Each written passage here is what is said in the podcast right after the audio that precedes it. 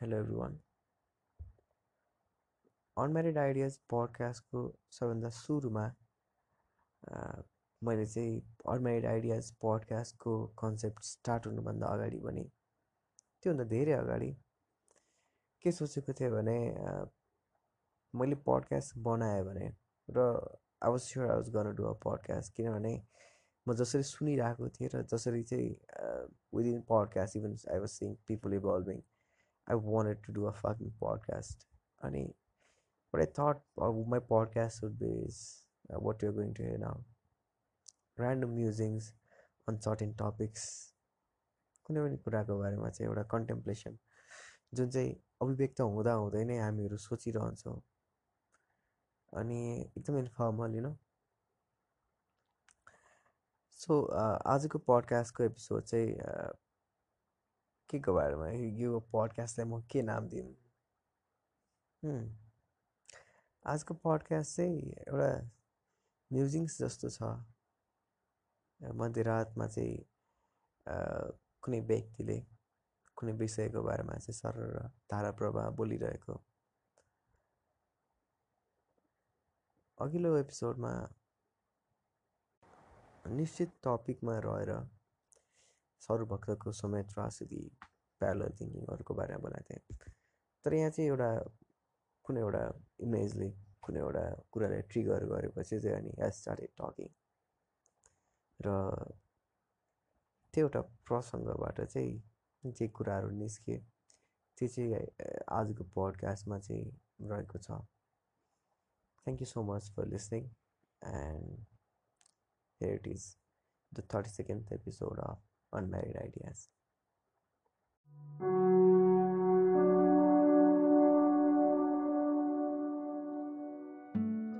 कति बाँधिनु पुराना सोच पुराना विचारहरूमा कति ठोकिनु पूर्व निर्धारित मान्यताका खुड्किलाहरूमा कति बन्नु डेट एक्सपायर्ड विचारहरूको ग्राहक कति बन्नु सानो साँगुरो कुवाको भ्याबुता आफ्ना विचारहरूलाई गरेर सम्बन्ध विच्छेद नयाँ दृष्टिकोणबाट संसारलाई हेरौँ दिस इज यर अनम्यारिड हो सुदर्शन पौडेल आउनुहोस् अनम्यारिड आइडिया स्टार्ट गरौँ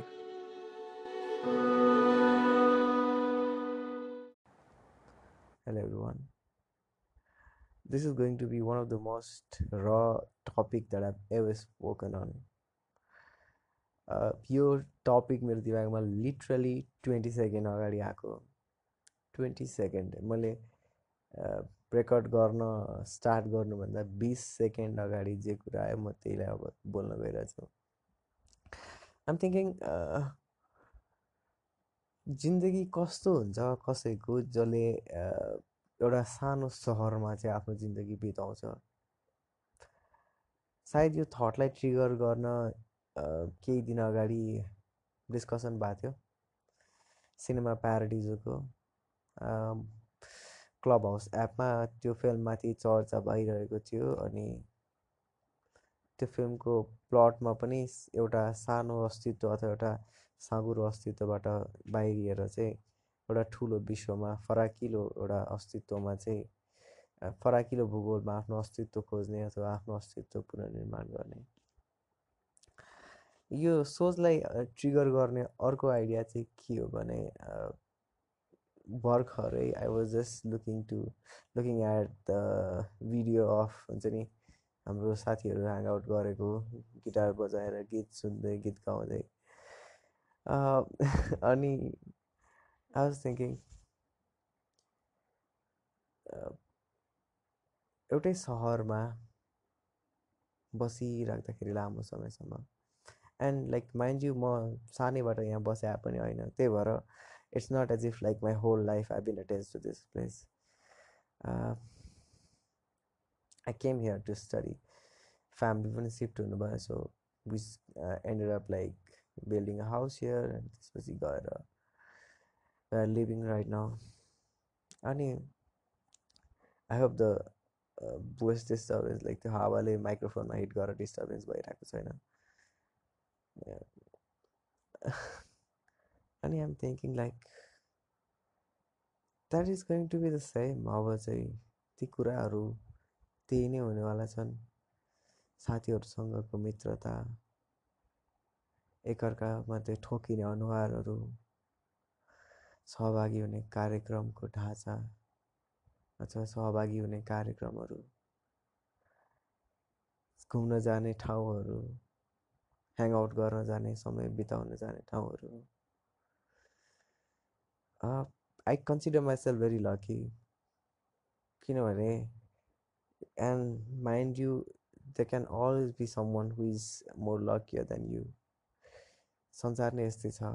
र ती मानिसहरू पनि हामी जस्तै दुःखमा छन् हामी जस्तै पीडामा छन् हामी जस्तै केही न केही कुराले तिनीहरूको मन पनि खाइरहेको हुन्छ। तर म आफूले आफूलाई लक्की फिल गरिरहेको हुन्छु। किनभने म यहाँ हुनुपर्ने मान्छे होइन। जुन तरिकाको अपब्रिङ्गिङ अथवा जुन तरिकाको पृष्ठभूमिबाट कोही आउँछ र कोही मान्छे कहाँ पुग्छ अथवा केही कुन परिस्थितिमा आफूलाई भेटाउँछ त्यसलाई मूल्याङ्कन गर्ने हो भने म यहाँ हुनुपर्ने मान्छे चाहिँ होइन। यसकारण अहिले वर्तमानमा जे जति कुराहरू छन् हालाकि यो लकडाउनको कुरा अथवा चाहिँ पेन्डेमिकको कुरालाई चाहिँ यदि त्यो फ्याक्टर नगर्ने हो भने किनभने त्यो जहाँ हुँदा पनि हुनेवाला थियो पेन्डेमिक चाहिँ। So I consider myself very lucky that I am here भनेर but I was thinking like जुन सहरको एउटा सीमित भूगोल हुन्छ सिमाना हुन्छ जुन सहरमा बसिरहने मानिसहरू एउटै हुन्छन् जुन सहरको टेम्परामेन्ट एउटै हुन्छ त्यही सहरमा कसैले आफ्नो जिन्दगीको बिसौँ चालिसौँ वर्ष बितायो भने जिन्दगीको अथवा चाहिँ हुनसक्छ लाइक चालिस वर्षसम्म एकचोटि पनि बाहिर निस्केको भने होइन बस प्राइमरीली यहीँ बसिरहँदाखेरि how would they define their life how would they define the like how they lived उनीहरूले कसरी बाँचे अथवा चाहिँ मेरो जिन्दगी कसरी बित्यो भनेर त्यो कुरालाई चाहिँ कसरी हेर्छन् होला? कुन दृष्टिकोणले हेर्छन् होला भन्ने कुरा मेरो दिमागमा अहिले खेलिरहेको छ।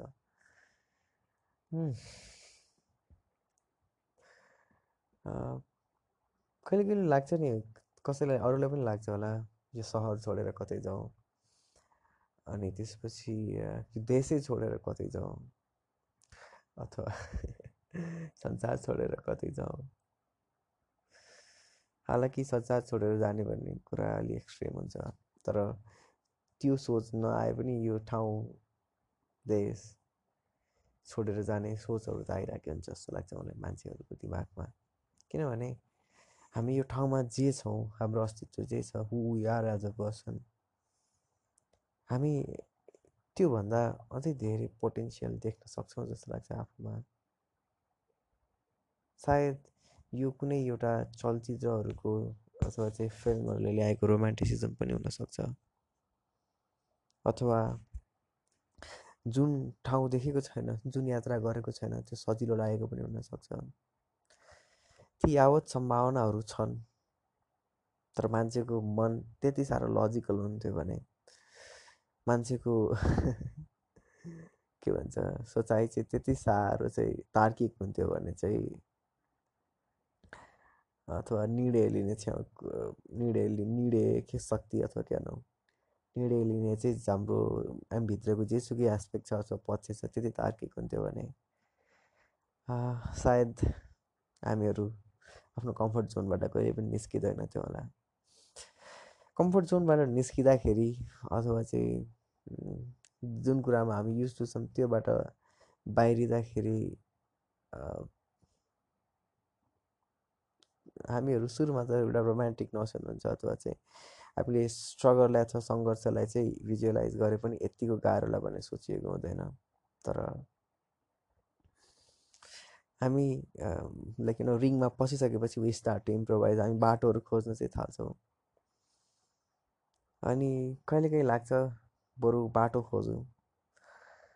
तर यी सम्बन्धहरू जे छन् यो भूगोलसँगको परिचय र फ्यामिलियारिटी जे छ यी उपलब्धिहरू जे छन् यी सम्बन्धहरू यी चिनाजानीहरू यसो सोच्दै गर्दाखेरि त्यति धेरै कुराहरू त मान्छेले लाइक एकोमोडेट गर्दो रहेनछ जस्तो लागिरहेछ। तर पनि यी छन् तिनीहरूलाई फेरि डेभलप गर्न फेरि बढाउन फेरि सृजना गर्न।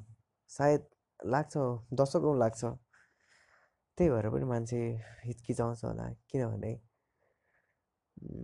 एउटा ठिक्कको तर असन्तुष्टि भएको अथवा चाहिँ खुसी नभेटेको कुराबाट अर्को कुनै भेन्चर स्टार्ट गर्दा अर्को कुनै सम्बन्धमा जाँदा अर्को कुनै ठाउँमा जाँदा सधैँ राम्रो भएको उदाहरणहरू छैनन्।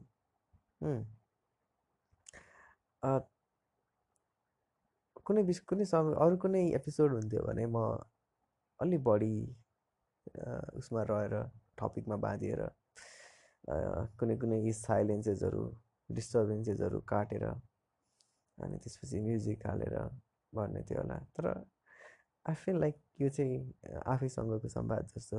मैले बोलिरहँदा नै कति धेरै कुराहरू चाहिँ थाहा पाइरहेको छु आफ्नै बारेमा पनि।